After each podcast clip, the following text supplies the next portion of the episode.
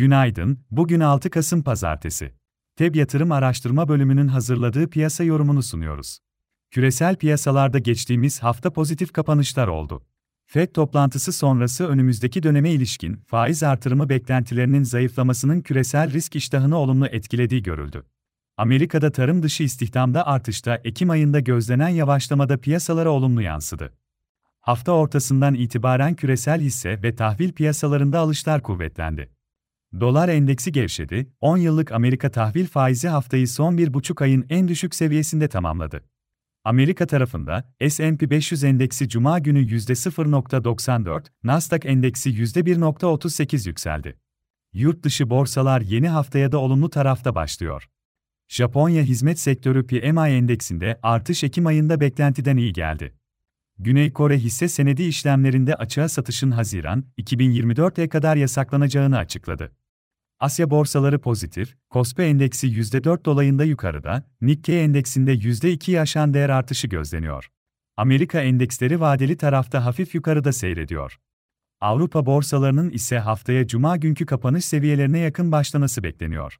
Amerika'da hafta başında önemli bir veri akışı bulunmuyor. Salı dış ticaret rakamları, Perşembe haftalık işsizlik başvuruları, Cuma-Kasım ayına ilişkin tüketici güven endeksi gelecek. Avrupa tarafında bugün Euro bölgesine ilişkin hizmet sektörü PMI ve yatırımcı güven endeksi bulunuyor.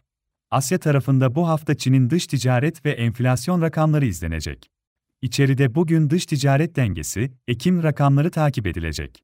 Ayrıca borsa şirketleri 3. çeyrek sonuçlarını açıklamayı sürdürüyor. 9 Kasım özel izin alanlar hariç 3. çeyrek konsolide bilançoları göndermek için son tarihi.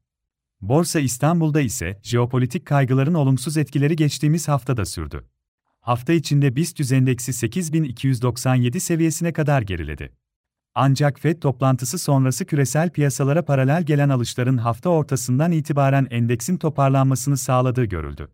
Endeks haftayı 7705 seviyesinde haftalık bazda eksi %0.1 değer kaybıyla tamamladı. Cuma günü endeks %0.55 yükseldi. Kısa vadeli göstergelerdeki toparlanma piyasa üzerinde satışlarda durulmanın teknik olarak kısa vade için süreceğine işaret etmektedir.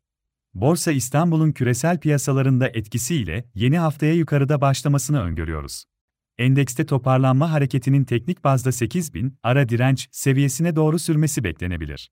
Hafta başında desteklerimiz 7640 ve 7520 seviyelerinde bulunuyor. Hisse tarafında ise endekste toparlanma hareketi içinde teknik olarak kısa vadeli alım yönünde Akçansa, Aksigorta, Aygaz, Ereğli Demir Çelik, Migros, Şok Marketler, Türk Hava Yolları, Vestel Elektronik, Yapı Kredi Bankası hisselerine bakılabilir. Fiyasaları değerlendirmeye devam edeceğiz. FEB yatırım olarak herkese iyi bir gün dileriz.